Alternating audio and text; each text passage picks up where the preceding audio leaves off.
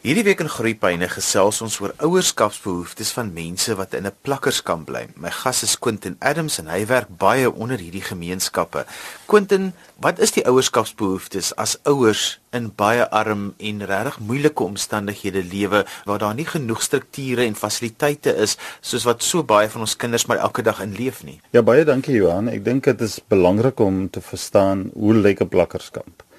Ehm um, baie mense het hulle eie sienings en hulle eie ehm, perspektief van wat hulle dink 'n plakkerskamp is. Ek wil begin om te verduidelik dat 'n uh, plakkerskamp is 'n plek waar mense in plakkershitte woon. Nou 'n plakkershit moet beskryf word vir die luisteraars. So wanneer ons 'n plakkershit verstaan, dan sal ons sien dat uh, wat die behoeftes is van baie ouers. Ehm um, 'n plakkershit is 'n uh, is 'n struktuur wat saamgesit word deur ehm um, plank, dit word saamgesit deur sink, dit word saamgesit met plastiek. En ehm um, baie keer sit die mense 'n tyre of 'n band bo op die plakkers het. Nou wanneer jy binne in daai plakkers het is of sit of staan of loop, eh, dan sal jy sien dat die behoeftes wat die ouers het is geweldig. Ehm um, eerstens dat die plakkers het is nie bestand teen die koue nie. Ehm um, wanneer die koud is en dit reën deur dan oorspoel daai plakkers hitte. Ehm um, wanneer dit warm is dan kan geen mens in daai plakkers sit uh, woon nie. Ek het nou onlangs iemand gehad van die Verenigde Nasies wat uh, spesialiseer op visualiseer data en hy het foto's kom neem. En dit was interessant sy kommentaar gewees. Ehm um, hy sê van al die plekke in die wêreld wat hy nou al gegaan het en gekyk na armoede, het hy nog nie armoede gesien nie soos mense wat in 'n plakkershut of in 'n shack woon nie. So ek dink dit gaan vir ons 'n baie interessante perspektief gee 'n platform om 'n raamwerk om oor die behoeftes van ouers te kan praat. Ek dink die die een van die grootste behoeftes wat wat ouers het, ehm um, as ons kyk na fisiese behoeftes, dan is dit om seker te maak dat hulle kos het om te eet in die aand. Ehm um, baie van hy ouers het nie het nie kos nie, hulle het nie geld nie en ehm um, Um, ons vind toenemend uit dat baie van die mense wat nou in plakkerskampe bly is is enkelmoeders. Hulle drie kinders, uh, vier kinders, vyf kinders en ehm um, hulle kan nie uitgaan om te gaan werk nie van die kinders is klein, hulle moet by die huis wees en hulle is baie afhanklik van die staatstoela. So een van die belangrike aspekte is dat ehm um, hulle behoefte is dat hulle kinders gevoed moet word, dat die kinders ten minste een maal in die dag moet eet.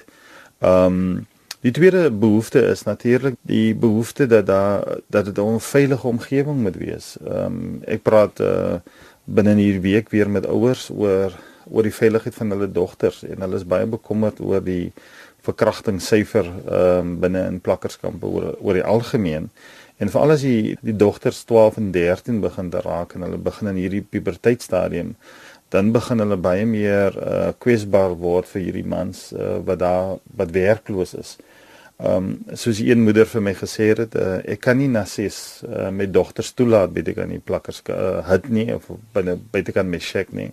So veiligheid is 'n groot uh, behoefte wat ouers het binne in plakkerskampe. Kom ons praat gou oor daai veiligheid. Hoe kan so 'n ouer dan verseker dat hulle kinders veilig is? Wat is die planne en die wenke wat daar gemaak word om seker te maak want veiligheid by kinders is naas voeding amper die belangrikste ding vir my as 'n opvoedkundige. Ja, ek dink wat gebeur en dit is die die uitdaging van om in 'n plakkerskamp te te woon is eerstens daar's nie infrastruktuur nie. So Ehm um, die plakkerskamp waar ek nou verskriklik baie werk en waar ek meeste van my werk nou al gedoen het is dat as jy daar verby ry, dan besef jy nie is daar 'n plakkerskamp nie.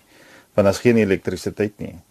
Ehm um, baie van die plakkerskampe het nie beligting nie. As jy gaan na die Yanga area en van die ander plekke, dan is daai plakkers dit is so naby mekaar dat wanneer 'n brand begin, dan is dit omtrent so ehm um, 25 30 40 seks wat onmiddellik brand want wat gebeur is as gevolg van die infrastruktuur. Ek dink 'n groot rol wat ons kan speel is om vir mense te vra dat hulle veilige komitees in hy plakkerskampe moet begin. Dat daar meer mans is of vrouens Ehm um, ons het bevind dat meer vrouens is betrokke by die beveiliging van die kinders as by die mans betrokke is. En noem 'n beveiligingskomitee, wat is dit? 'n Beveiligingskomitee is 'n is 'n neighborhood watch. Ehm um, uh, waar dan vrouens in die nag wakker bly om seker te maak hulle patrolleer binne in hierdie plakkerskampe. Maar dan moet jy weet ook is dat die die mans is baie onbetrokke. Ehm um, ek dink as ons 'n groter projek kan begin om mans betrokke te kan kry. Mans sien dat hulle die tradisionele rol het dat hulle ehm um, gaan uit uh, met hulle waantjies en hulle stootwaantjies en hulle gaan kollekteer uh, skrap en hulle kom terug en dit is waar hulle werk uh, stop. Maar ek dink as ons mans meer betrokke kan kry met die beveiliging van van hierdie kinders. Nou die een probleem is dat jy kry baie mans wat verhoudings het met die met die vrouens in die plakkerskampe. So dit is 'n baie uh, abusive verhouding wat jy kry in in hierdie omstandighede. Maar ek dink wat die behoeftes betref is die is die die hele aspek van hongerte en die hele aspek van veiligheid is 'n groot kwessie want baie van hy kinders gaan deur seksuele molestering en verkrachting. Quentin want 'n ma 'n ouer, 'n versorger se grootste droom vir sy kind is mos nou maar dat hulle die beste kan wees wat hulle kan wees. Watter impak het daai behoefte op 'n ma en 'n pa in 'n plakkerskamp? Johan, ek dink wat gebeur is dat ehm um, ek het nou 'n klomp internasionale studente gehad en hulle het een keer deur die plakkerskamp gegaan en toe het hulle program ontwikkel. Toe hulle die program gaan implementeer, toe vind hulle het hulle kan nie die program implementeer want hulle weet te min. Hulle weet hopeloos te min van uh wat is die uitdagings van 'n plakkerskamp? En dis hoekom ek uh al, al elke keer terugkom na die die groot uitdagings.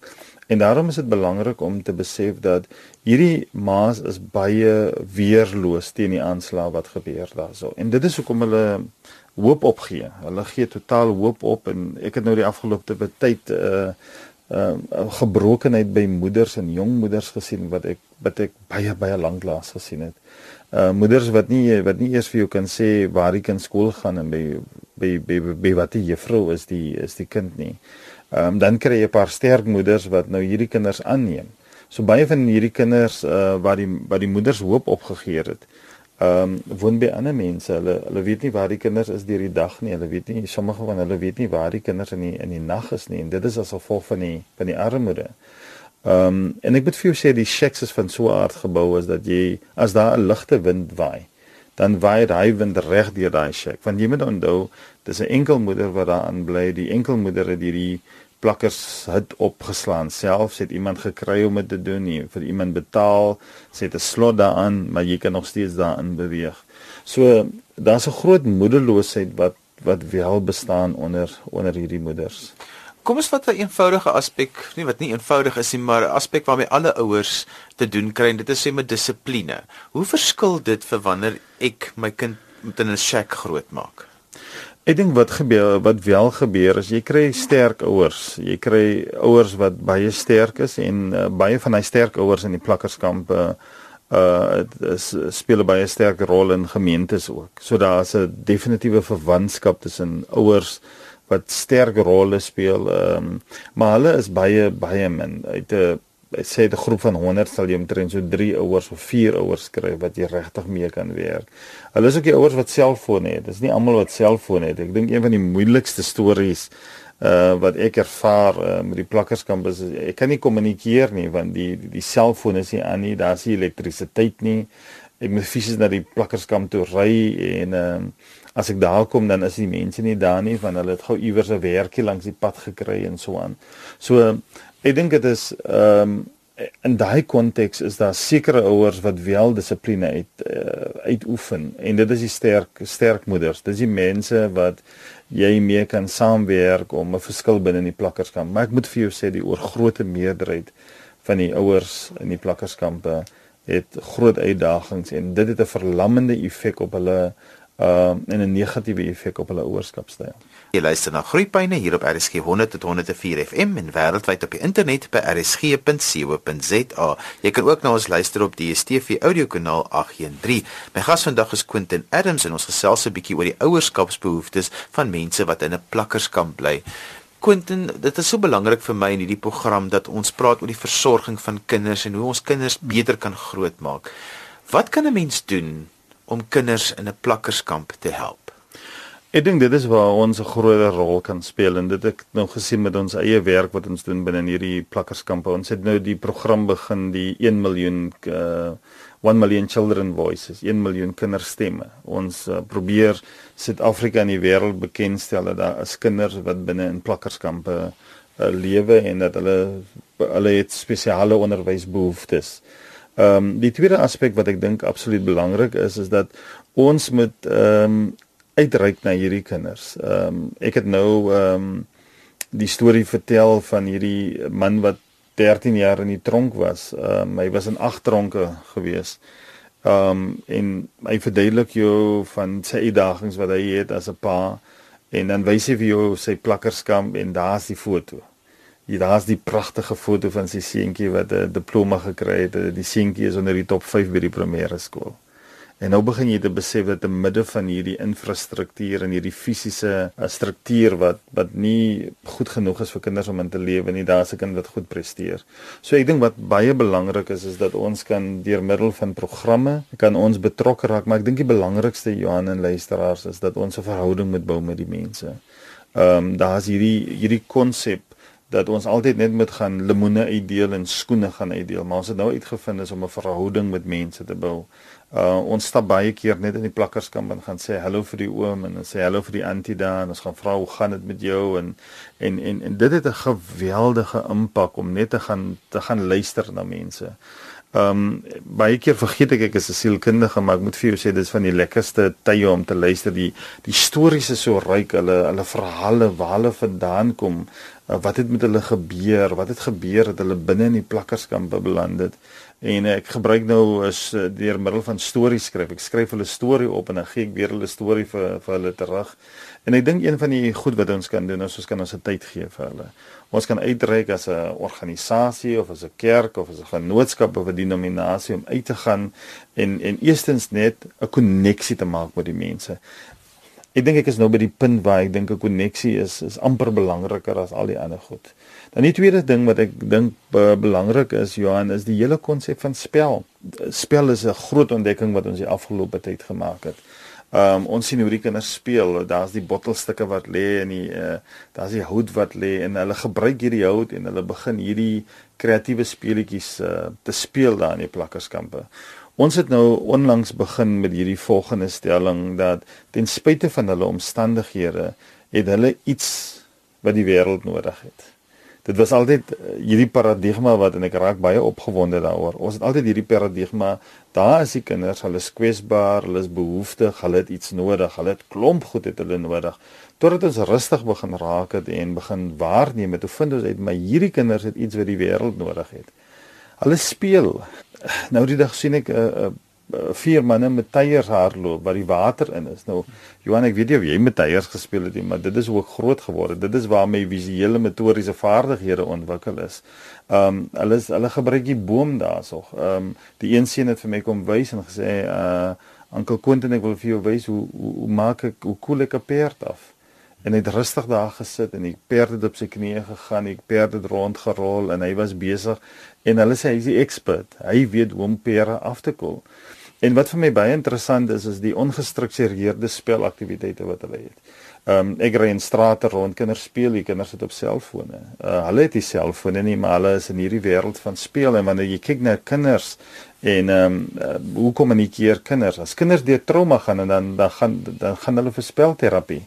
En hier kry jy hierdie kinders in hierdie plakkerskampe wat daar bottelstukke is en daar's bome en daar's veiles en al daai goed wat daar lê en dan sien jy klomp kinders wat speel. Daar is amper een kind daarso wat een kan staan of net sit in depressief. Hulle is bewese, hulle is besig en hulle is Ons het nou die plakkerskamp nou omskep in 'n teater. Kan jy dit glo dat die plakkerskamp 'n teater geword het?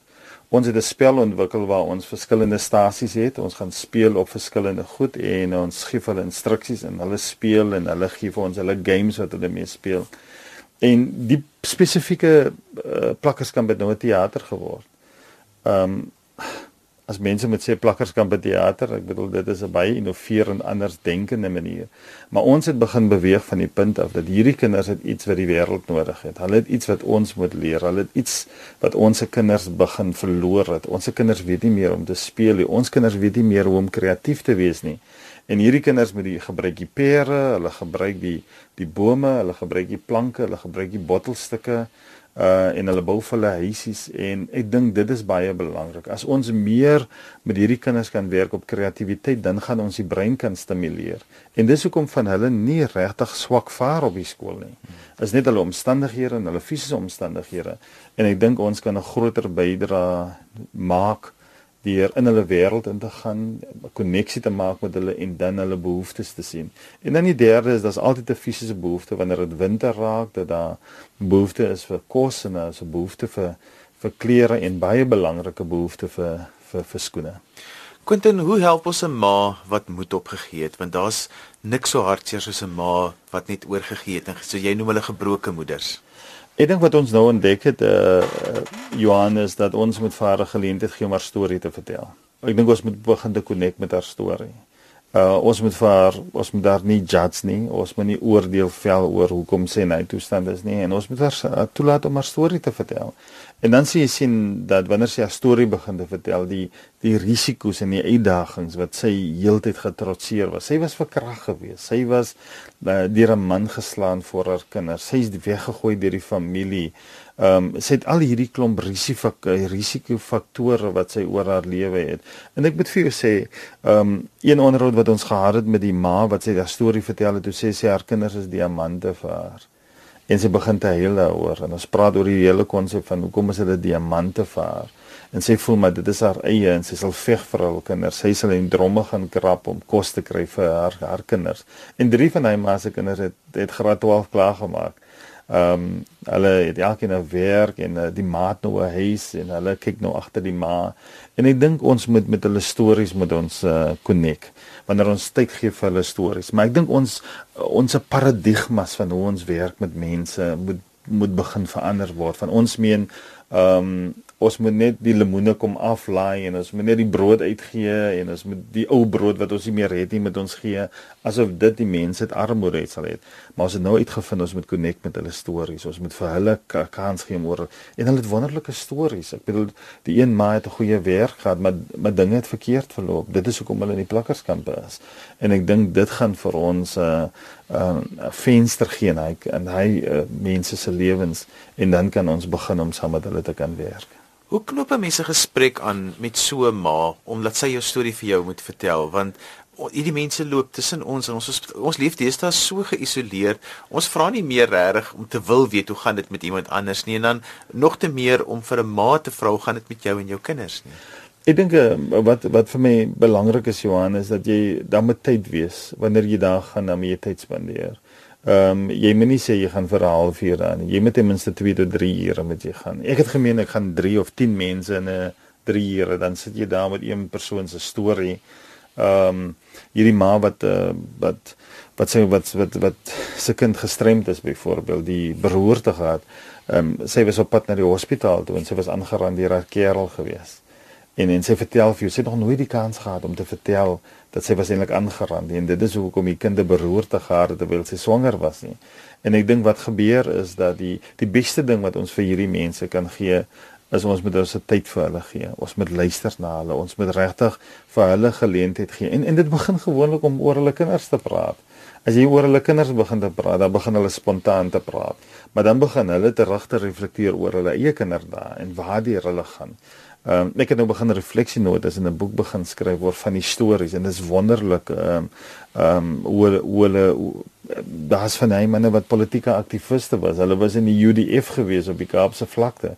Ehm um, hulle het 'n hofsaak verloor in die strong toe en uh en mense het vergeet van hom.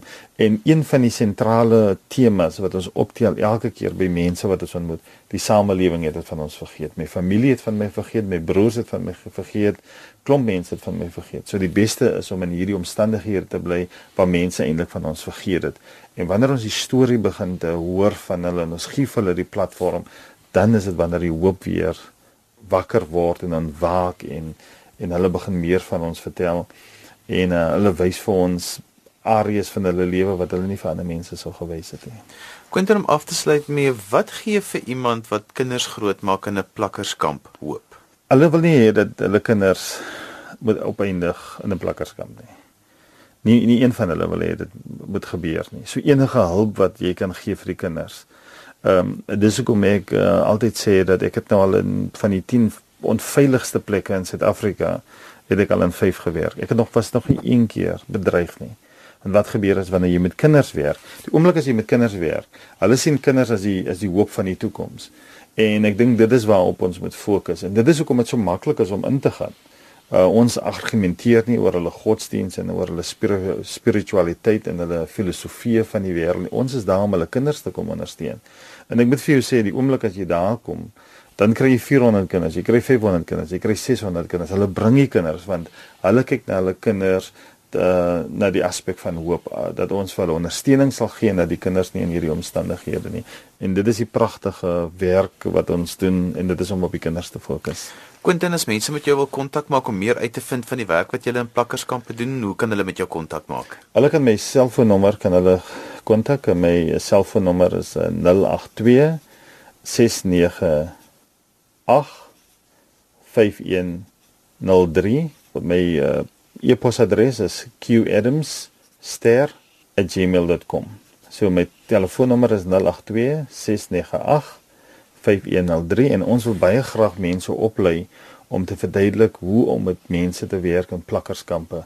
Dit is eintlik redelik eenvoudig, maar mense voel baie ehm um, hulle voel hulle is nie toegerus om te kan werk nie, maar die oomblik as jy dit verstaan en ons praat baie oor kompassie en omgee. As jy as jy dit kan hê, dan is jy 'n geskikte kandidaat om 'n groot verskil in 'n miljoen kinders in Suid-Afrika wat in plakkerskampe woon se lewe te doen. Dis dan alwaar vir ons tyd het vandag en jy kan weer na vandag se program luister op potgooi laai dit af by rsg.co.za. Ons vandag bietjie gesels oor die ouerskapsbehoeftes in 'n plakkerskamp. My gas was Quentin Adams en as jy wil graag kontak maak met Quentin, stuur gerus op vir my 'n e e-pos, dan stuur ek sy kontakbesonderhede vir jou aan. My e-posadres is groeipyne@rsg.co.za. Dan groet ek dan vir vandag tot volgende week van my Johan van Lille. Totsiens.